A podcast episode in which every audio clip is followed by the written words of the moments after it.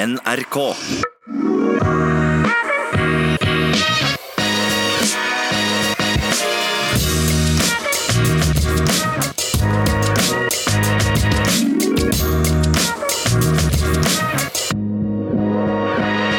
Hei hvor det går! Ny uke er unnagjort, og det betyr ny episode av I det lange løp. Takk for at du eh, lytter til denne podkasten. Det blir litt av en episode. Vi skal eh, gjøre et lite dykk inn i Kenya og doping, for der har det skjedd litt den siste uka, hvor eh, Norge har vært involvert. Vi skal ta en telefon til Kenya og få oppklart et mysterium rundt et bilde hvor vi ser eh, sprøyter, rett og slett.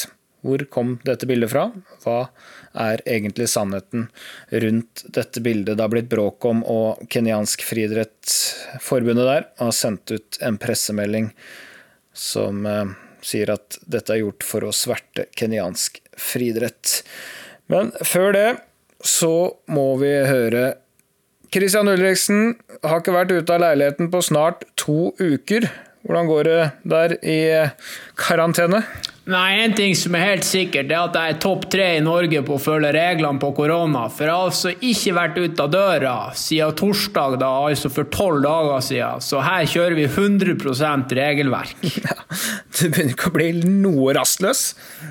Jo da, men jeg vet faktisk at jeg har en rekord. Det var en gang der i 2007. Jeg hadde 74 døgn inne. Så jeg er solid hvis jeg bestemmer meg. Ja, det er godt. Hvordan får du tida til å gå? Nei, nå har det jo Netflix klart å sveive i gang tidenes eh, dokumentar her fra en av de aller aller største idrettsutøverne verden noen gang har sett her, med Michael Jordan. Så eh, hver mandag kommer det to episoder, og da må jeg se dem eh, selvfølgelig på mandag. Og så går de av og til i reprise litt senere ut på uka òg. Så vi, vi, får glede oss med de få tingene vi har. Det kommer også noen nye episoder på en serie som heter Billions òg nå, så det vi ser, vi ser på TV, og så jobber vi litt, og så river vi litt kjeft, og så går det greit. Ja, det er godt. For nye lyttere så har Christian da operert for Haglunds hæl og kan eh, ikke løpe på ja, i hvert fall fire måneder. Og det kan bli en lang oppbygning etter eh, skader. Operert i Finland og er derfor i karantene og har hjemmekontor. Men Christian, eh, Litt skjer det jo på løpefronten i disse dager. Selv om eh, det er mest snakk om korona og konkurranser som ryker, så skjer det jo imponerende ting på trening. Hva er det som har imponert deg mest av uh, norske utøvere på trening den siste uka? Nei, Jeg er jo en mann som, eh, som, setter pris på folk som eh, gjør ærlige forsøk, og som legger jeg skal ikke si hele livet i det, men vi har jo en, eh, et, et sinnssykt triatlonmiljø som er blitt etablert borte i Bergen, med en, med en solid trener og, og en tre-fire-fem lovende gutter under. og Spesielt han, han Blommenfelt og han Gustav Iden har jo eh, levert fremdragende prestasjoner i mange år. og han Blommenfelt var jo faktisk med her i, i OL i Rio òg i 2016, så han har jo holdt på en liten stund. Men eh, guttene hev seg rundt og, og tok, eh, kjørte en, en, litt lett intervall, og så eh, var det på med, med det beste utstyret de hadde, og, og, en god kompis på sykkelen, og så var det å få seg en 3000 meter test. Og han Christian Blommenfelt løp altså på 8,11, og han Gustav Iden hakk i hæl der. Jeg vet ikke om han hadde 8,14 eller 8,15, og det må jeg jo si at jeg, jeg, jeg ble ikke sjokkert. For at guttene guttene er svingode. Det å springe tett eh, mot 30 blank på ja, de løypene i triatlon er så som så, det vet vi alle. Men at, eh, at, de guttene der har løpt ned mot 30 blank og kanskje litt under etter å ha svømt og sykla, er jo imponerende. Hva de kan gjøre på en 10 km uten, er jeg usikker på. Kanskje ned mot, eh, mot lave 29. Kanskje enda fortere, vil jo noen hevde, så får vi se. Men, eh, men å springe på 8.11 og 8.14, det var godt, og da er standarden satt. Så får vi håpe at andre også hiver seg rundt, for en 3000 meter, det er ærlig tilbakemelding. Jeg hadde ikke vært sjokkert hvis de liksom hadde spissa for en konkurranse og, og, løpt på de tidene der, men de gjør det i en mengdeperiode. De trener som bare det. De hadde vel en times oppvarming der med både løping og sykling. De gikk på banen, løp fem ganger 1000 meter på tider fra, fra 3.04 til 2.59 på de 1000-meterne. Så gjør de tre ganger 400 meter på 66, 65 og 64. Tar en pause der vel på sju minutter, knyter eh, skoa, får en mann som hare på på, sykkel og smeller unna en 3000 eh, på 8.11-8.14 før en lang eh, skal si nedvarming, eh, og, og, det var på sykkelen der òg. Så det er jo, det er jo monsterøkt totalt sett. Og, og Blumenfeldt, kanskje ikke det mest elegante løpssteget verden har sett, men for en maskin! Altså, han er meget godt trent, og det samme gjelder Iden. Ja da, det er klart. Og når Måkestad Bovin var inne på at hun var god i å ta i i ung alder, så kan jeg garantere deg at hvis det er én ting de triatlonguttene kan, så er det å ta i. Og han treneren eh, var jo også inne og meldte der i ettertid at han trodde han kunne løpe ned mot 7,50. Altså 7,50 eh, tror jeg jo ikke helt sjøl, men det er klart at guttene kan springe under 8 blank. og det finnes jo en, en Marius Vedvik borte i Bergen. Vi skal jo snart ta hjem han godeste Norstad Moen. Det kan jo hende vi kan få, få kjørt et sinnssykt 3000-meterfelt. Så kan jo de der guttene fra, fra Sandnes få lov å springe etterpå. Ja. ja, det er bra at det trenes eh, rundt i landet, at folk er eh, motivert. Men det, ja, det var mer mot jeg skal si imponerende den treninga mi, men jeg syns jeg har gjort et lite løft siste uka. Altså. Jeg har kjørt noen hardøkter som iallfall har eh, vært bra gjennomført. Ikke sånn at tidene er imponerende, men at gjennomføringa har vært bra, og at det er litt eh, stigning. Jeg har kjørt eh, ja, først var det vel 25 ganger 1 minutt med 30 sekunder pause i grei fart på, på tredemølla. Så stakk jeg ut, løp en god 18 km et par dager seinere i 3.50 fart i en litt sånn småkupert uh, runde. Svarte litt bedre enn en uka før. Det var en god økt, det. Og så dro jeg fram en gammel slager fra ungdomstida, fra tenårene. Det glade 90-tall, hvor jeg kjørte 40 ganger 200 meter på bane. Og jeg starter nytt drag hvert minutt. Eh, den syns jeg er fin. Eh, minner jo litt om 40-20 i den formen jeg er. Jeg tror jeg snitta sånn ja, høye 38, lave 39 på de 200-meterne. Så blir det sånn ca. 21 sekunder pause. da. Løper i bane 8, så jeg får litt drøy sving. og så går jeg da fra målstrek til ny start ute i bane 8 og får da 8 km på ja, det var borti 3000 meter farta mi, da. 8 km i 3000 meter fart i nåværende form. Så jeg syns det er bra volum på OK fart, uten at jeg kjører meg fullstendig i senk. Så ja. Det går riktig vei, men du er vel ikke imponert ennå? Nei, det er klart når han Jon Halvorsen leverte åtte blank på 200 meter on, 200 meter off, så har vi jo litt å trene mot, du og jeg også. Vi skal jo innrømme det. ja. Nei, men uh, iallfall få dratt i gang litt, så får vi se hvor dette uh, bærer. For uh, jeg har tenkt å starte en utfordring jeg, i i vårt navn, Christian. Og det er det jeg vil kalle for One Hour Challenge på godt norsk, eller Timesutfordringen. Så i morgen, nå er det jo tirsdag, dette kommer ut på fredag, så i morgen onsdag så skal jeg ut og løpe så langt jeg klarer på én time. Det er jo flere grunner til at jeg syns folk der ute bør teste det. For det første så er det en veldig god treningsøkt. Én time har eh, jevn løping, er meget bra treningsutbytte av. Ehm, og så er det jo sånn at eh, terskelfart blir ofte sånn populært sagt at det er den farta du kan løpe i en time. Og hvis man ikke da i disse dager har lyst til å dra inn i et uh, forskningslaboratorium holdt jeg på å si, og, og teste terskelfart med laktat osv., og, så og syns det er litt mye å forholde seg til, så er det jo fint å rett og slett løpe hardt en, en, time, og så kan man bruke den farten litt sånn på trening i, etterkant og ha et utgangspunkt når man skal kjøre intervalløkter osv.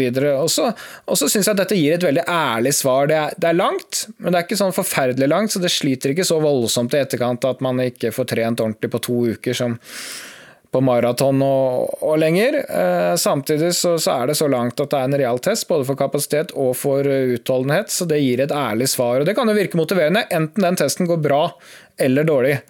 Så Ja, jeg er spent. Hva tror du jeg får til?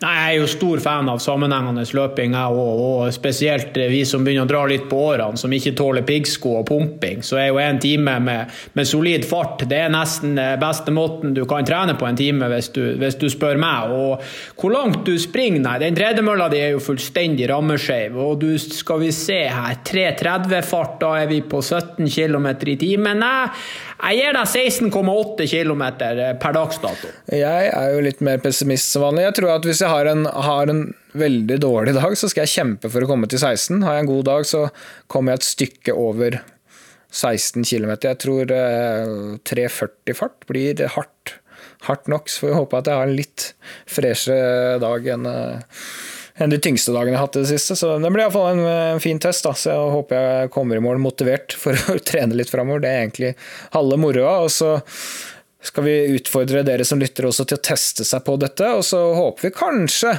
å få noen av de virkelig toppløperne i Norge til å prøve seg på dette utpå på sommeren, hvis det skulle passe seg eh, sånn. Det får vi egentlig la ligge så langt.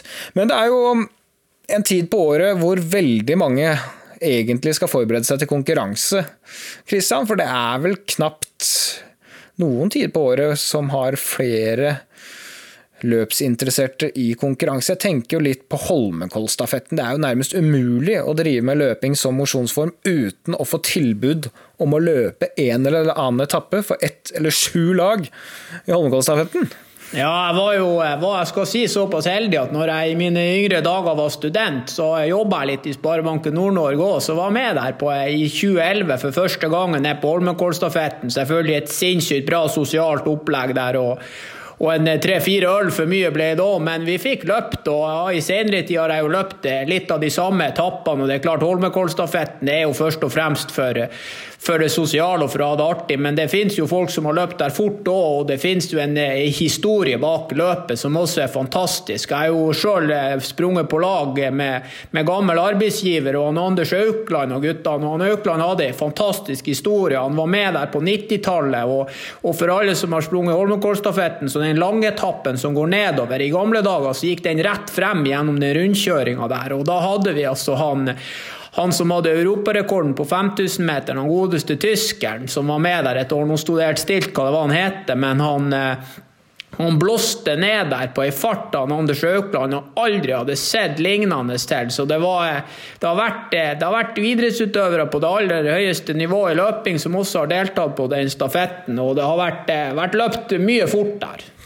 Ja, det har vært løpt mye fort, og det er liksom eh, ja, utøvere i alle former og fasonger og alle typer form for form. Altså Noen er toppidrettsutøvere i en eller annen idrett, andre har så vidt begynt å løpe. og Det er en folkefest. Jeg, jeg merker at jeg, jeg, savner den delen av, av løpingen nå.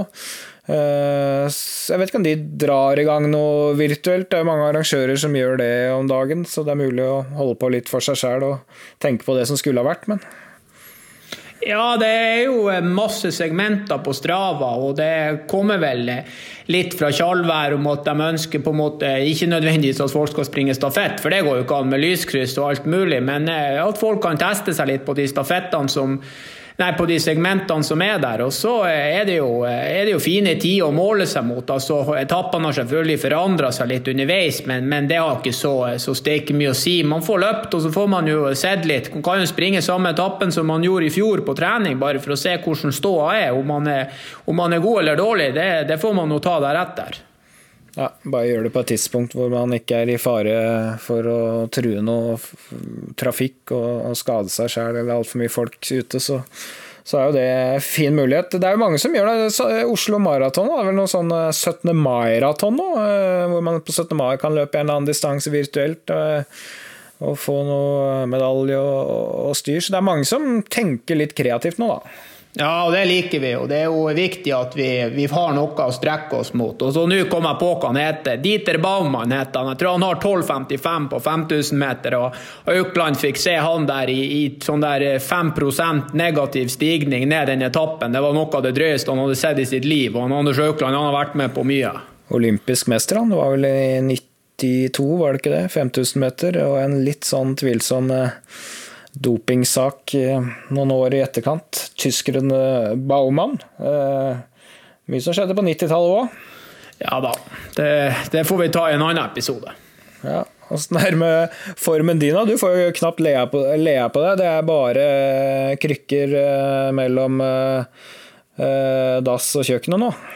Ja da, og bor jo ikke i all verden til leilighet heller. Jeg vet ikke hvor mange kvadrat den er, så det blir ikke mange steg om dagen. Den Garmin-klokka den er fint pakka ned. og jeg skal jo innrømme at jeg tok meg litt sammen etter at Måkestad Bovin var innom her forrige uke. Vi har fått stramma til litt på kostholdet, og jeg begynte å veie meg en par ganger i uka. Så det var faktisk ikke helt krise heller. Så, så foreløpig så, så går det her greit. Har du så mye muskelsvinn at du holder vekta, altså? Jo, jo, hvordan man ser ut uten klær er selvfølgelig dårlig, det har det jo bestandig vært, men vekta er grei fortsatt. ja, det, det, det, er godt. Du får uh, sørge for å ikke for, forfalle, helt, forfalle, helt. Det vil ikke gjøre denne opptreninga noe enklere, i hvert fall. Men uh, det, er noe, så. Du, nå skal vi eh, snakke om litt ditt uh, mer alvorlig. Det er doping, og da får vi nesten ta kontakt med Kenya.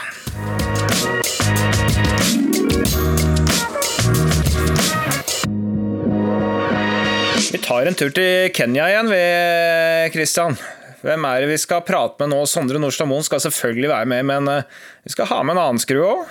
Ja, det er jo en gang sånn at hvis du skal få folk på individuell idrett og prestere på maks, så er du nødt til å ha folk rundt dem som kan bidra. Og han, eh, Sondre har en god kompis, og for så vidt en god kompis av meg også, som heter Nils. En, en ekte trønder her. Jeg er litt usikker på om han er fra Namsos eller noe sånt opprinnelig. Som har flytta ned til Kenya og driver litt virksomhet der. Og er gift med ei kenyansk dame og bor ned i Eldoretta, så rett i nærheten av der han Sondre bruker å være, oppe i Iten. og han Nils han er, en, han er en kanonmann å ha med på laget. Han bidrar selvfølgelig med alt av, av praktiske ting og tang. Og så er han en fyr som er skrudd sammen med, med særdeles godt humør og, og, ser eh, negativt på svært lite her i livet. Så han eh, bidrar godt der på, på laget til han Sondre. Vi får høre, da. Sondre Nordstad Moen og Nils Foreløkken, hører dere oss? Vi hører dere godt. Så bra, så bra. Uh, Nils, har du fått uh, Sondre inn i huset nå? Hva er det som har skjedd? Du, nå har jeg, nå har jeg fått den i matfatet. da er det over. Nei, vi, eh, nå er det alvor. Jeg har tatt den ned fra Eton og ned til Eldoret nå. Jeg eh, har vært her noen få dager nå. Så skal vi prøve å få den hjem nå på fredag. Ja, lykkes det? Ja? Er det vanskelig? Ja, så Ting gjøres kanskje ikke like enkelt her som ting gjøres i Europa og da selvfølgelig i Norge. Er, ofte kan ting være veldig vanskelig her. Eh, å få gjort veldig enkle ting, det, det kan ta tid. Altså. Det, men vi har holdt på i går, vi har holdt på hele dag. Eh, ting ordner seg nå. Eh, for det er et charterfly da, som vel å merke går fra Nairobi på fredag klokka fem til Addis. Og fra Addis har jo Sondre en flybillett om Stockholm og til Oslo. Men det ruteflyet da, det, det, det, er kansellert, som en i utgangspunktet skulle ha fra Nairobi. Men det er satt opp da et charterfly med samme selskap. Så for å få kjøpt den billetten, det har vært sirkus. Det kan vel Sondre bekrefte òg. Ja, det har vært litt frem og tilbake, men eh, det ser ut som det går i orden nå. Har du hjemlengsel? Eh, nei, det er fint å trene her, så det er klart um, Nå er det litt regntid her, og det er litt varierende treningsforhold, men eh, eh jeg var egentlig innstilt på å være her ut eh, april, så jeg kan ikke si at jeg har kjent så mye på hjemmelengselen ennå, men eh, i og med at det begynner å åpne opp litt eh, samfunnet der hjemme, så um, tror jeg det tror jeg nok det blir godt å kom hjem for en periode, ja. Du, hva betyr å ha en hjelpemann som Nils for deg nede i Kenya, en, en norsk hjelper, og hva er det han bidrar med? Jo, det betyr uh, kjempemye. Han har um, han har vel egentlig hjulpet meg her siden Eller jeg har jo kjent Nils siden ja, det må være 2009, tror jeg. Ja, ti, ti. Jeg tror det var 2009, faktisk, ja, på Bislett Games. Stemme, stemme. Første gangen jeg snakka med han. Eh, så møtte jeg han vel her i det var 2011 eller 2012, tror jeg, nede i Kenya. her. Um, så var han med um, Ja, har han vært med og hjulpet til litt i eh, 25, fra 2015 til 2016. Um, blant annet før Rio så var han med og uh, hjalp meg en del på trening med drikke og ja, la ting til rette. Ja, og siden, siden så har vi nå stort sett uh, Møttes her. ja, møttes her. så nei, så da han uh, handler litt på butikken hvis jeg trenger noe der. Uh, det er jo ikke så mye utvalg oppi hiten der, så han uh, handler litt ned i Eldoret. Og så um, ja, er med litt på langturer. Uh, møtes generelt kanskje en gang i uka eller to. Uh, prater litt skit. Ja. Så det er jo litt sosialt oppi det hele, da. Men ikke minst så er han jo med på en del av uh, viktige treningsøkter. Vi har jo sett, vi som følger litt med på internett, Nils, eh, på Safari Run, en sånn Facebook-side du har oppretta, at du filmer en del av treningen til Sondre live. Eh, Hva syns du om å gjøre det?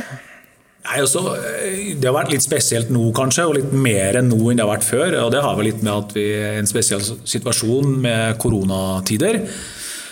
Og eh, Vi vet jo fra før at det er mye interesse rundt den, Sondre. Og, og, og spesielt nå i disse koronatider så sitter jo folk eh, hjem, for å si det sånn, og eh, lengter etter nye, nye sportsbegivenheter, ting som foregår. og Da har vi fått mye likes på å sende live. da. Eh, Gjør det litt bevisst, da, for å få litt enda mer oppmerksomhet rundt det. Og samtidig som folk, på en måte, så vidt jeg har skjønt, kjeder seg litt hjem.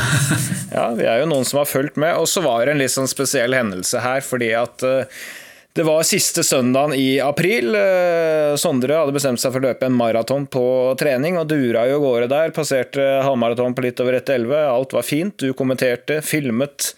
Eh, og plutselig så dro Sondre inn på en litt sånn eh, gjørmete vei, og borte ble han. Hva skjedde, Nils? Det var ikke så litt gjørmete heller. Jeg kjørte 20 meter, så først, møtte jeg første bilen som sto i Sjustein i Leirhavet. Eh, Jeg skreik og ropa til den og tuta til, men det var jo blokkert. Det vet du. Det var jo klokka som gjaldt der, ikke noe annet. Så, eh, men da snudde jeg og kjørte 100 meter tilbake, så regner jeg med at ja, ja, han kommer sikkert tilbake. da. For han hadde ca. en halvtime igjen av den maratonen. Så jeg venta noen halvtime. Nei, mannen kom ikke. tenkte jeg, ok, da, Området er jo ikke så superstort, så jeg skal kjøre rundt her. Så jeg kjørte rundt i en time, da. Men til slutt tenkte jeg nei, mannen er voksen, han hiver seg vel på en moped, og så eh, kjører han til Iten. Så etter som sagt, en time leting da, rundt forbi, frem og tilbake, jeg tipper de lokale som satt på de forskjellige små pubene, om du vil, de lurte på hva han Oi, hvitingen han får kjøre frem og tilbake etter. Men eh, etter hvert da, så, som sagt, så kjørte jeg tilbake til Eton, og eh, på vei ned til hotellet der tar jeg igjen en moped, og bak på den mopeden der sitter en uh, uttørka trønder. da kan ikke annet enn å flire. Så eh, episoden i seg sjøl var jo ganske artig, da. Eh, det var det. Men eh, jeg fikk nå prøvd det òg, da. Men eh, han var så heldig. Hva er det dre- eh, er det dreier med, Sondre?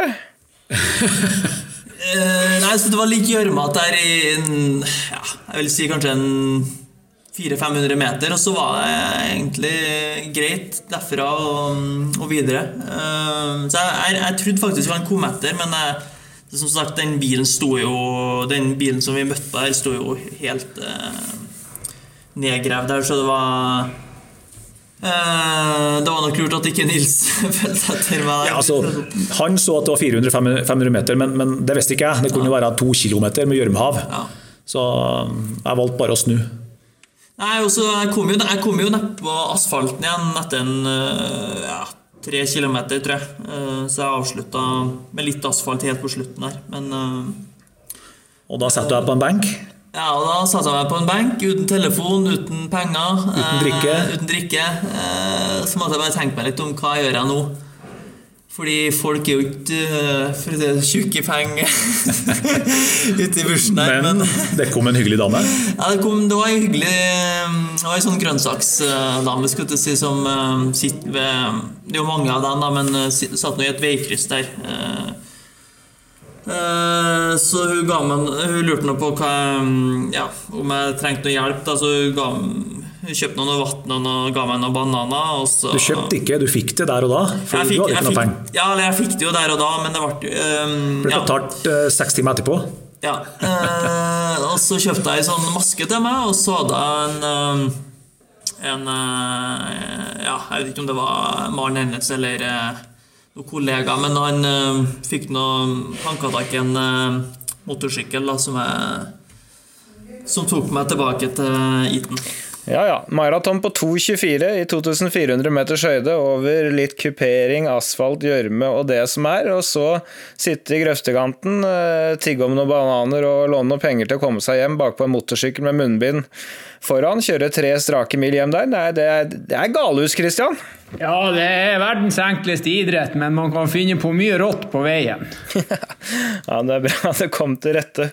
Du, mens jeg har dere her, én ting vi må prøve å få klarhet i. For at eh, denne uka her så sendte det kenyanske forbundet ut en pressemelding om at en norsk eh, journalist hadde trykt et bilde av noen sprøyter som visstnok skal være tatt nede i, i Kenya. Eh, De eh, skrev jo der at lignende bilder har vært manipulert tidligere og iscenesatt. At dette var et bilde for å skade Kenya og antidopingarbeidet, og sendte altså dette offisielt ut. Det var Arve Bergan da, som har uh, trykket dette bildet. Han har en rekke Facebook-sider eh, eh, som, hvor det står både om friidrett og antidopingarbeid osv. Og, så videre, og dette ble plukket opp i kenyansk media, i svensk media, i norsk media.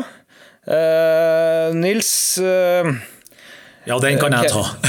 Ja, hva Kan du, kan du oppklare oppklare dette mysteriet? Hvor, hvor kommer dette bildet fra? Ja, altså, eh, jeg, er ikke, jeg er ikke redd for å være upolitisk korrekt når jeg prater, for å si det sånn. Også her må man se realitetene i øynene og si det som det er. men eh, de aller fleste skal kanskje ikke gjøre det, men jeg er ikke redd for å si hva jeg mener. Eh, Da får man bare ta det som det kommer. Um, Arve Bergan fikk det bildet av meg. Han gjorde det, ja. Eh, ja da. Eh, det der er heller ikke første gangen vi har sett noe sånt. Eh, det er det flere hvite løpere som kan bekrefte. Uten å si noe navn, selvfølgelig. Eh, det der har vi sett i fjor, i forrige år, to år siden, tre år siden, fire år siden, fem år siden. Helt normalt, nær sagt. Altså ikke normalt å se det, men det er ofte sett. Det bildet er 100 ekte. Og det der har vi snakka så mye om, ikke bare jeg og Sondre, men jeg snakka mye med andre. Eh, Det er dessverre sånn at eh, det er fryktelig enkelt å få tak i de tinga her. Eh, Det beviste jeg for Sondre for en tre-fire år siden, når han trodde at det ikke var så enkelt. Da tok jeg med meg filmkamera så gikk jeg på det minste apoteket i hele Eldoret. Det er for øvrig sikkert 300 apotek her, men en annen sak. Og da gikk jeg inn og bestilte det som vi hadde funnet vi skulle ha, og det var null problem å kjøpe. Så, så um, Og jeg er jo i den oppfatning at Altså jeg er jo der at 90% av toppløperne eh, bruker de kaller det medisin her. Så um, Nei da, det er, det er et seriøst stort problem her. Og så korrupt som det er her, så du får aldri bukt med det her eh, før eventuelt du har, eh, som sagt, upolitisk korrekt, men eh, før du har eh, hvite folk her som, som gjør det. Fordi det er så korrupt. Det, du, du kan Alt handler om penger, dessverre. Så um, ja. Men det bildet, hvordan ble det tatt? Bildet ble tatt på vei bort til Kamerani. Eh, Det kan Christian for øvrig forklare deg bedre hvor er, men det er kanskje en kilometer i luftdistanse fra hotellet der Sondre bor på. Den stadion har vært under construction, skal jeg si. De eh, skal på en måte bygge en ny superstadion der, men det begynte de på med for fire-fem-seks år siden, og det ble stopp etter seks måneder. Banen er blitt brukt siden. Det er en trekk rundt der på rundt 420-430 meter. Eh, Så den blir brukt stadig vekk, stort sett hver uke. Og da selvfølgelig av kenyanere. Hvor, den langt, eh, hvor langt unna banen fant dere disse sprøytene? 150-200 meter. Så det var, og det er nede i en bakke, kan du si, så det er veldig vanskelig å få med Du får ikke med stadion på noen måte. Så um, Vi hadde jo aldri trodd at det skulle ta løst så gærent. da, fordi Arve Bergan du var inne på, han har jo skrevet om doping i Kenya i mange mange år. og fått stort sett eh, nær sagt positive meldinger om at ja, dere må jobbe hardt imot. Men nå kom det faktisk et bilde da, på den sida eh, med eh, sprøyta. Og det var noe nytt for dem, tror jeg, i forhold til den, den sida. Og da kom det jo flere hundre meldinger.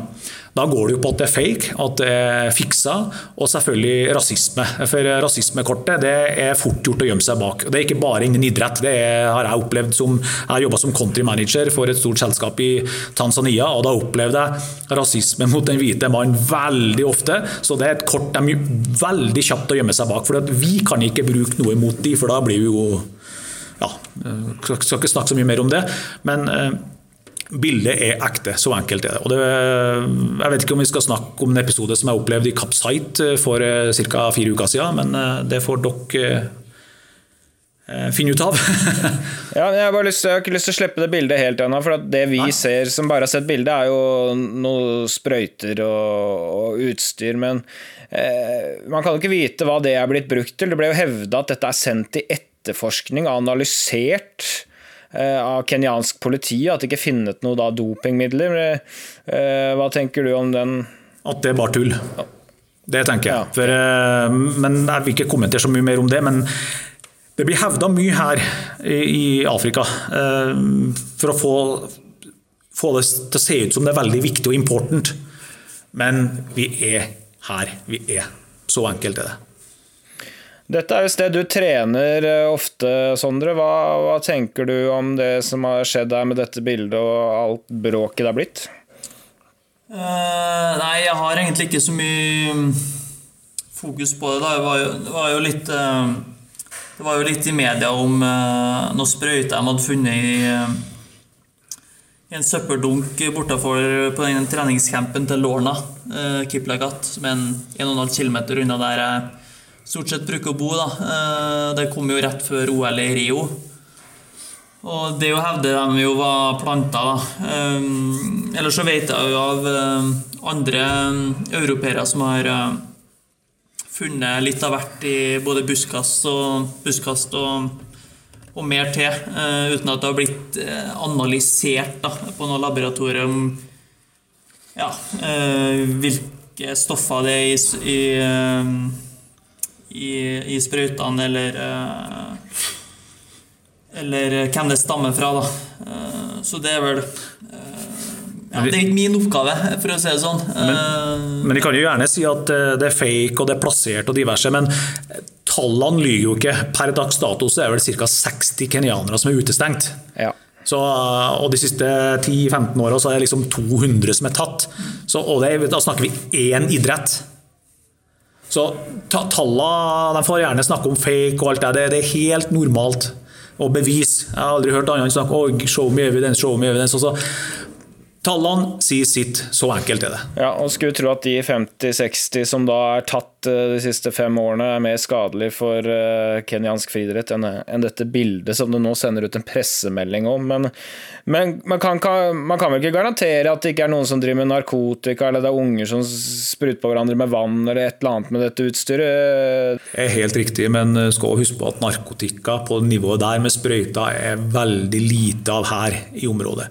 Ehm, I Nairobi er det selvfølgelig mer, men i området her så er det veldig lite. Eh, den type narkotika som foregår her, er stort sett eh, hva heter det, eh, det røyk, marihuana og sånne ting. Sniffer Sniffe noe, noe, lim og Ja, og lim og sånne ting.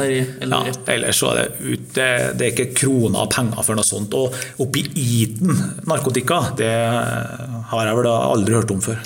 Du, du bodd en stund i, i, Kenya, Nils. Hvordan er det å diskutere dette med kenyanere? Du har jo mer kontakt med kenyanere du enn en Sondre, for så vidt, som lever ganske skjermet på et hotell hvor det bor mange vestlige. Hvordan er det å diskutere disse problemstillingene med dem?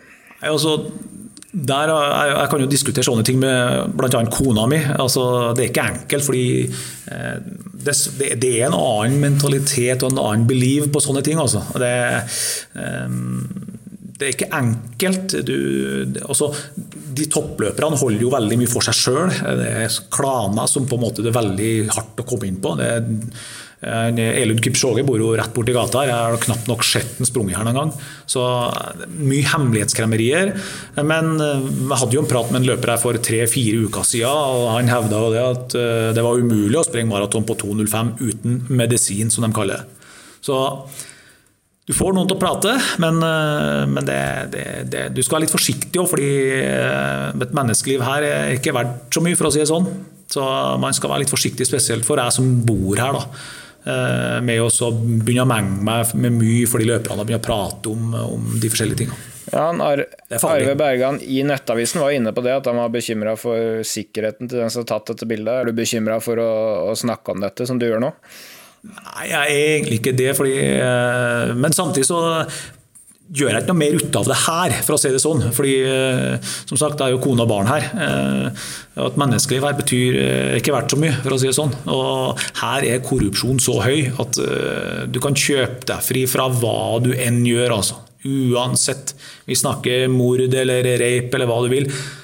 Penger er penger. Det er kun penger det er snakk om.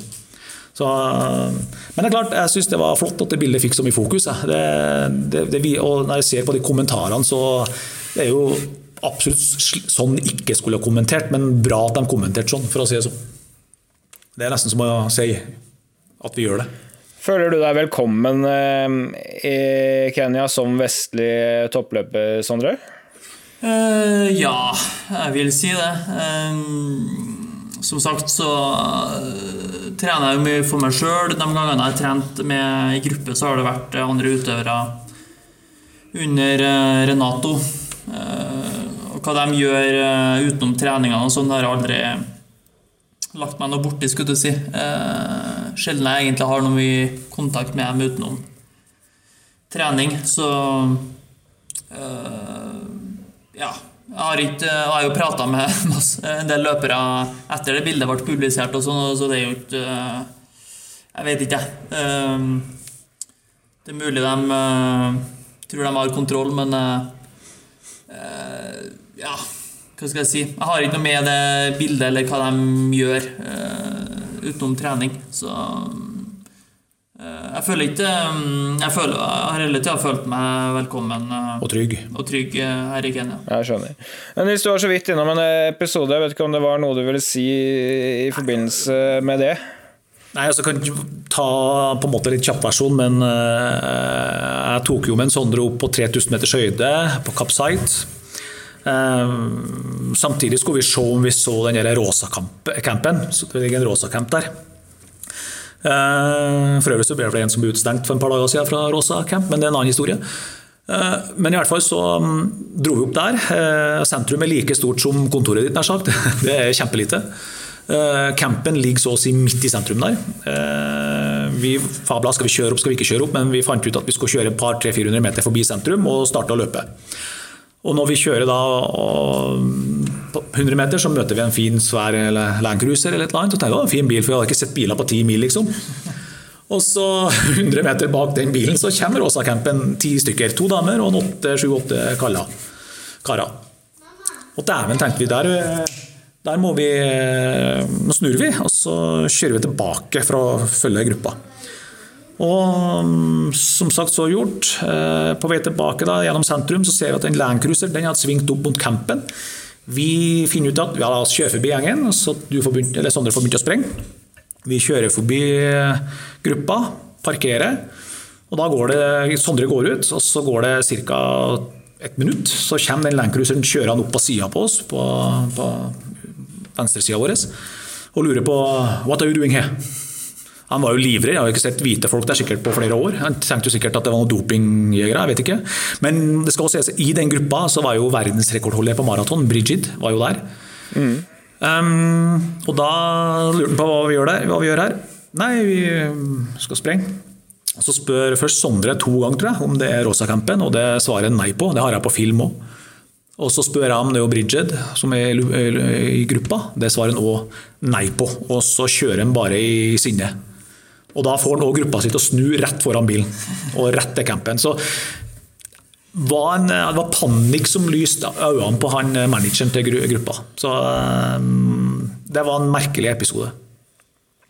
Ja, Jeg syns det, det, var- det nesten ubehagelig, akkurat det. Det er sånn her I et øyeblikk der så lurer jeg på om hele bygda i det veikrysset kommer, Etter deg, ja. kommer etter oss øh, og blir og, ja, blir kjeppjaga, rett og slett. Ja, og når du nekter på at det er, En ting er at du nekter på at det er Rosa-gruppa, men når du også nekter to ganger på at det er hun Brigitte, hun verdensrekordholderen på 2.14 på maraton, at hun er gruppa, nekter på det to ganger, og ser at han ikke liker at vi er der, lyser panikk og sinne av den. Ble, som sagt, Vi var jo oppe her for å se litt på, på naturen, og så ville jeg teste å springe på 3100 meter over havet, så det var jo grunnen til at vi kjørte opp dit. Eh, veldig kupert, eh, veldig spesielt landskap oppi her. Eh, men eh, så, vi, så hadde vi jo lyst til å se hvor den rosa campen ligger. Det er jo, Jeg vet ikke hvor lenge den har vært der. 20 år, Det har vært der mange år. mange år. Ja. Eh, Men der eh, Ja. Det, vi var tydeligvis ikke velkommen der. Det var sånn Vi visste jo at campen var i nærhet der, men uh, vi fikk altså nei på at campen lå, Der. lå litt bortafor det veikrysset. da. ja, det, det Rosa har jo hatt flere utøvere som er tatt for doping. Bridget Koske er ikke en av dem, verdensrekordholderen. Ikke noe konkrete mistanke mot henne, så vi kan ikke kaste ut det her i denne podkasten heller. Men, eh, men det er klart at eh, det har vært mye eh, forskjellig å, å snakke rundt eh, det, men hva tenker man da når man liksom ikke engang føler seg velkommen til å se noen løpe? Skulle det ikke være noe farlig i det? Nei, altså, Jeg vet ikke om min tanke gjør seg på podkast, så jeg vil holde den for meg sjøl. Ok. det, det, det, det, det, det, det får så være. For jeg vet ikke hva Sondre har å si. Nei, jeg har, eh, har egentlig ikke så mye mer å si heller, men eh, han kunne jo sagt at eh, ja, campen ligger der. Hvis dere vil inn og se Det er sikkert ikke så mye å se der. Uh, hvem vet. Men uh, han kunne jo sagt at ja, det Og smilet har vært blid. smilet har vært blid. Ja, vi trener her. Uh, campen ligger der. ja. Men, men for å spør spørre liksom. deg om en annen ting, da. Det var en helt annen, det var en helt annen stemningsleie. da. Jeg skjønner. Men før vi, Ja, før vi slipper, har bare lyst til å spørre Sondre om eh, For det er jo du som konkurrerer mot eh, disse toppløperne, eh, ikke bare fra denne campen, men fra hele Kenya. og Det, det er jo tatt 60 stykker, som vi har vært inne på, det er jo fakta. Og, og flere av disse har jo løpt og slått deg i samløp òg, før de har blitt tatt. Hva tenker du da rundt alt dette å skulle konkurrere med disse hele tiden? Nei, altså eh, Jeg får ikke gjort, med, jeg får ikke gjort så mye med hva andre gjør. Eh, Jeg må jo slå dem uansett. De eh, Uansett uh, bakgrunnen de har, skulle jeg si. Uh, men det skal jo sies at de fleste utøverne i, i spesielt Øst-Afrika blir jo tatt i, i konkurranse. Og de få tilfellene løpere har blitt tatt eh, her, er jo eh, bare de siste par eh, to-tre årene etter AIU ble, eh, ble grunnlagt. Og en skal heller ikke glemme at Adak eh, ble først stifta i 2016. Så det var kun, kun de aller ypperste afrikanske løperne som ble testa av IAF da, um, fram til da, så vidt meg bekjent. Men uh, det er mulig, mulig jeg har mangler noe info der, men uh, i hvert fall det. Sånn som jeg har uh, forstått det, da. Det er bra. Du, bare he- helt til slutt, Sondre, bare for å ha stilt spørsmål. Det, det finnes jo en del utlendinger, bl.a. i USA, som har ytret på sosiale medier at man helst vil unngå i, i, å trene i Kenya nå for å unngå å bli mistenkeliggjort. Ja. Eh, Hva, hva tenker du om det, Sondre?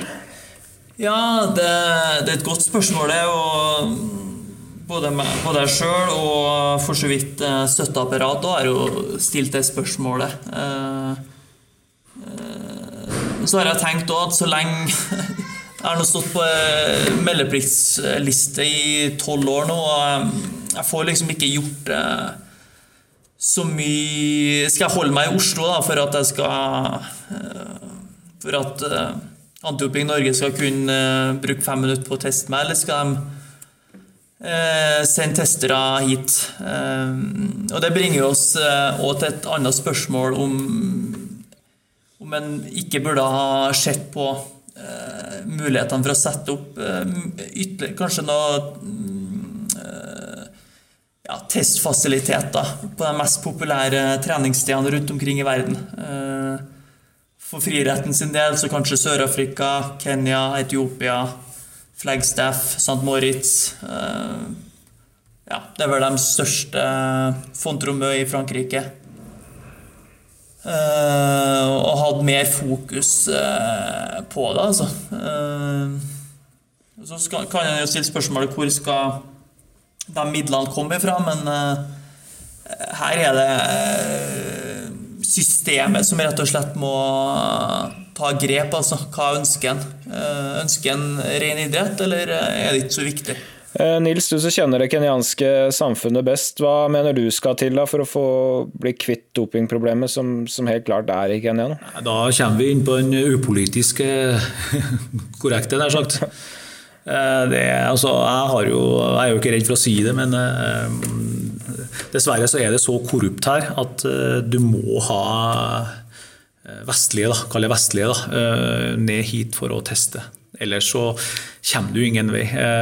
De kan stå på TV-en med sine fine dresser og prate den beste engelsken i verden, og gud, hvor flott det har blitt her, og holder på å bli, men Her er det penger som styrer, og det er så korrupt, og tallene forteller alt av de som er blitt Så det jeg mener, det er vestlige som må være dopingkontrollører og, og, sjekke her. Eller eventuelt stenge ut Øst-Afrika for eh, fem år og så lage et system der eh, vestlige dessverre eh, må inn og, og, og teste. Ja. Det mener jeg. Ellers klarer du aldri å stoppe det. Ja, Interessante tanker. Vi får håpe at noe skjer, i hvert fall for uh, det som har vist seg de siste årene, har vært, uh, vært trist. Det er derfor vi må snakke litt om dette kjedelige temaet. Håper, håper jeg ikke vi lager trøbbel for dere nå, gutter. Vi, vi klarer oss, vi er trøndere, vi. det går bra. Og Så får vi håpe at du kommer deg hjem, eh, Sondre, så du kan få løpt litt i, fort i, i Oslo-omegn framover. Er du klar for det?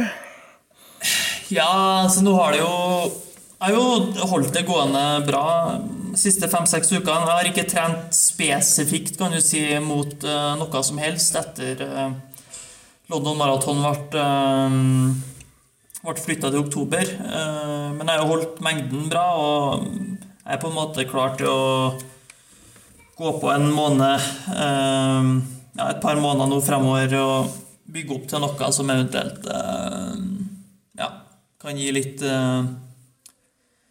være av eh, betydning. Da. Eh, så får vi se hvilket eh, løp som eventuelt blir aktuelt å springe. Men det ser ut som at det blir at det blir å holde seg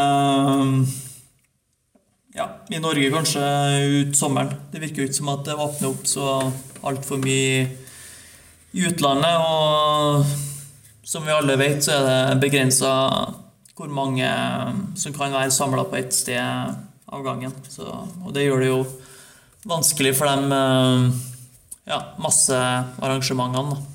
Å få gjennomført uh, gateløp, f.eks., som er, er det jeg fokuserer litt mer på nå. Ja, Vi får se hva framtiden bringer når det gjelder dette med korona og idrettskonkurranser. Virker som det er i ferd med å slippe opp litt, så det blir vel en gradvis gjenåpning. Så får vi se hva som er mulig for deg. Nils, du får sørge for at Sondre kommer hjem. Når skal du hjem igjen? Du, nå har jeg vært her et halvt år. Begynner å bli klar for Europa. jeg har eh, flytta billetten min et par ganger, men nå har jeg billett 21. mai, og da satser jeg på en måned eller tre i Norge. ja, det høres eh, bra ut. Takk for praten, gutter, og lykke til med skal vi si, logistikken de neste dagene. Det tror jeg dere trenger. ja, nei, det virker det. Jeg tror, um, jeg tror det Vi har trua. Vi har trua. Ja. Det er bra, det. Så snakkes vi. Ha det godt, da. Ok, ha det bra. Ha det.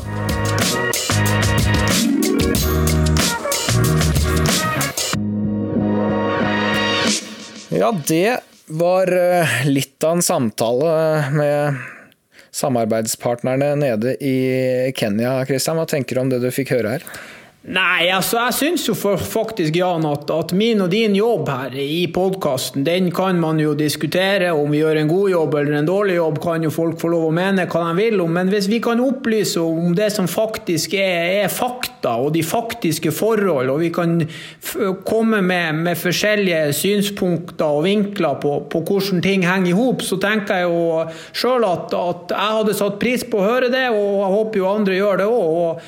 Han Nils er selvfølgelig han Nils, han er jo en, en frittalende mann, men han, han, har opplevd det han har. Og, og jeg syns jo òg at, at verden skal heller, skal heller, ikke fordras altså, for enhver pris. Jeg har jo sjøl vokst opp liksom, på, på 2000-tallet og, og, sett hundrevis av timer på Tour de France. Jeg har jo aldri, jeg har jo nesten aldri gleda meg så mye over ei TV-sending som når han Marco Pantani og han Lance Armstrong og hele bøtteballetten og Jan Ulrich og alle mann alle sykla det de klarte opp og ned i fjellene. Men, men det er klart at vi, vi vet jo at folk, de var jo halve apoteket på på innabords, og da blir det deretter. Så jeg, jeg syns det var bra. Og jeg syns de tar problemet sånn som det er.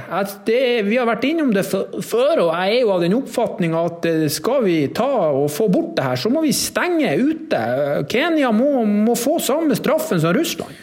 Ja, så må Vi bare si at vi, vi kan ikke kaste noen mistanke mot enkeltutøvere eller eh, enkelte treningsleire eller noe. Det har vi ikke noe konkret på. Dette var bare en gjenfortelling av hva som hadde skjedd der nede. Og så er det ikke noe tvil om, ut fra statistikken, at Kenya og, og langdistanseløperne der de har et stort dopingproblem. Det er tatt utallige de siste årene. og det virker som det bare fortsetter. Det er iallfall uh, fakta. Ja, og der vi var inne på både tall på antallet som er tatt, og, og, resten, og hvem det er som er tatt, osv. Så, videre. så vi kan, vi kan, la det ligge deretter. Men eh, at det må gjøres noe, det er ingen tvil om, og, og jeg håper det skjer. Og det burde skje fort som eh, ja. Ja, og så var det Sondre Nordstad Moen, som eh, har både trent deg tidligere, og som er en god kompis av deg. Tror du han kommer seg hjem nå, og hvordan blir i så fall det? Jo da, han kommer seg hjem. Det er, som, eh, det er jo et, eh, han må jo gjøre litt om på reiseruta, og, en gang måtte han gjøre det her uansett. Da. Så, så den der det, taxituren der, den blir jo selvfølgelig å ta sine timer, og så må han ta det der charterflyet, og så kommer han seg jo med et vanlig rutefly fra Addis, og det går jo greit. Og så, så lander han nå her i Oslo på på, på, lørdag, da, så skal han jo bo her hos, hos meg og, og samboeren og Katrine. da, Så vi har fått ordna til her på gjesterommet. Og, og, og, Katrine hun er jo Jeg skal ikke si at hun er eksemplarisk, men hun, er, hun skal altså bo her med, med meg. Det i seg sjøl kan jo i perioder være vanskelig, men nå skal vi altså ha en Sondre her òg. Og det blir jo minimum 14 dager, for han har jo karantene han òg, men det kan jo fort bli litt lengre. så det det må sendes både blomster og sjokolade og Pepsi Max her til Kvernmo. ja, hun må bare psyke seg opp til at det blir noe løpeprat i den perioden, tror jeg. Ja da, så, eh, så, blir det jo greit for min del òg. Nå er jo karantenen min over på fredag. Fått beskjed der fra jobb om at det kanskje blir kontor fra, fra etter 17. mai. Så får jo forhåpentligvis kommet oss ut der, få litt frisk luft og, og, kan jo eh, mest sannsynlig være med på en sykkel når han springer. Kanskje kan jo Katrine kjøre seg noen tempoøkter når han Sondre springer rolig. Så vi, vi, skal nok finne en god melodi her, vi òg. Så, så har vi jo, eh, jeg og Sondre har jo en sånn konstant dialog både på veien videre og litt hvordan løp løp og hva som skal til her for å holde seg motivert. Og så prater vi selvfølgelig med Renato i ny og ne òg. Han sitter jo der nede i Italia omtrent i den verste delen av verden, der eh, nesten samtlige mennesker rundt han på hans alder er døde. Så det er jo helt tragisk. Men han, han er i live sjøl. Han skriver ei, ei løpebok som skal komme ut nå. Det er jo bare først som sist å, å få bestilt og få kjøpt og få lest det fra bind til bind både én og to ganger. og så har de jo en plan nå på, på, hva vi har lyst til å få til i sommer. Ja, det blir spennende å se hva som eh, skjer framover. Det har jo vært litt møtevirksomhet i eh, Friidrettsforbundet denne uka. I det øyeblikk vi spiller inn podkasten her, så virker det som det er en åpning for eh, kortere distanser som kan løpe i annenhver bane, og begynne å konkurrere litt i mindre stevner hvor det ikke er flere enn 50, da, inkludert dommere og utøvere og, og, det som er inne på banen. Så i liten skala, da. Det samme gjelder jo selvfølgelig kast og hopp og andre som kan være separat, men det å løpe i, i felt på bane ser foreløpig litt vanskelig ut. Så får man se om man finner noen løsninger på mindre mosjonsløp hvor man kan starte én og én eller eh, på annen måte finne startordninger som garanterer at man holder seg minst én meter fra hverandre hele veien. Men det begynner å skje ting. Ja, det er klart. Eh, maks antall er jo 50 deltakere, og én meter skal man jo holde. Så er det jo begynt nå å åpne litt opp. Eh, mest sannsynlig får vi et løp her oppe på Perseløpet der den er 16. mai. Og så har jo han Sondre ytra eget ønske om å få springe en 5 km oppe på Perseløpet den 30. mai, og da er det jo Kanskje han kan springe ned mot eh, norsk rekord, da, som han sjøl har. Så da snakker vi jo ned mot 13.30. Og så får vi jo se litt. Det kommer jo et Bislett Games. Eh, han, eh, han Sondre sjøl er jo en, en mann som, som, motiveres av ikke av penger og ikke av, av, noen andre ting. Så han ønsker å ta noen rekorder òg. Vi har noen, noen, gamle rekorder på bane, både på 20 000 meter, på 1 time og på 25 og 30. Og det samme, det finnes noen sinnssyke verdensrekorder òg. Selassie har to stykker der på, på 25, nei, på, på 20 km og, én times timesløp. Det her går jo på bane, da. Og de, de rekordene som er satt, er jo satt med hare òg, så vi får jo se. Men spesielt i europarekorden. Han, han Johs Hermes, da, han som er sjefen sjøl for, for, Team Global og omtrent styrer hele løpeverden, han har den timesrekorden, den europeiske rekorden, da, på, på 20 944 meter der fra 1976. Og det er jo en rekord som Sondre har prata om lenge. Så kanskje vi får, får gjort noen rekordforsøk, og, og så har Renato lyst til å prøve på en en sinnssyk verdensrekord på 25 000 meter, da, som en som heter Moses Mossop har. Han satt verdensrekord på 25 og 30 km på bane da, i samme løp i, i, 2011. Og vi har vært litt i dialog nede i Kristiansand med, med vår gode kompis Finn Kolstad. Kanskje får vi til noe lignende som i fjor, litt utpå sensommeren. Det var jo en fantastisk kveld der nede i Kristiansand. Så hvis vi kan få kopiert noe, noe sånt, så hadde det jo vært eh, en givende eh, sommer og høst for Hans Sondre. Han har jo jo lyst til å springe Praha Hall og London Marathon, men det er jo Jeg skal ikke si 100% men jeg er i hvert fall 99% sikker på at det aldri går. Så da kan han jo kanskje få gjort det unna det her, og så har han jo noen, noen baneperser som ikke helt heller tåler dagens lys. Den 1500-meteren han har, og den 3000-meteren må han jo òg få gjort noe med. Når toppløping vi vet kommer, så skal jo Karoline Bjerkeli Grøvdal prøve seg på en norsk rekord på um, Bislett Games, eller Impossible Games, som det nå heter, 11.6. Det skal sendes på NRK. Det kan nok dukke opp eh, noen brødre fra Sandnes der også. Det er litt usikkert på hvilken distanse det blir. Det tror jeg ikke de vet selv ennå. Det begynner å bli noe å, å, glede seg til, men jeg er jo litt opptatt av uh, mosjonister som oss selv der ute. At de også skal få begynt å, å konkurrere så, så, smått igjen under, uh, under uh, smittevernsregler som, som, gjør det mulig. Det hadde vært gøy for, for veldig mange, både arrangører og, og for mosjonister, å komme seg litt i aksjon. Det kan trengs for motivasjon. Blir, den blir jo satt på prøve uansett hvilket nivå man er på nå. Så har man jo lyst til å teste den treningen man har gjort i vinter. Ja, det brukte å være sånn før i, når man bodde oppe i Tromsø, at, at eh, løpelysta kom når man fikk varsling fra kommunen om at de skulle brøyte banen. Så her er en god kompis der oppe, han, eh, storebroren til Andreas Nygaard. Han sendte meg noen bilder fra den friidrettsbanen oppe i Tromsø. Det var jo nærmere 2,5 meter sne der. Så når nå får bort den sneen der, så, så, begynner det å nærme seg noe, til og med oppe i Nord-Norge òg, der det omtrent har snødd hver dag i 200 dager. Det har iallfall holdt deg i godt humør at det er mye snø i, i Nord-Norge denne våren. Hvis ikke så tror jeg du har vært ordentlig deppa. Ja, det var synd de ikke fikk tatt den der rekorden der, at de ikke fikk 2,5 meter. Det hadde vært eh, helt fortjent. ja, ok. Du koser deg hjemme i leiligheten i Oslo og nyter at folk sliter med, med snø. Det, det, er godt. Alt er som før. Nei, men da får vi vel si at eh, det var det for denne episoden. Ta og Følg oss på NRK i det lange løp på Instagram. Der er det stadig oppdateringer. Og så høres vi igjen, håper jeg, da, om en uke. Takk for nå.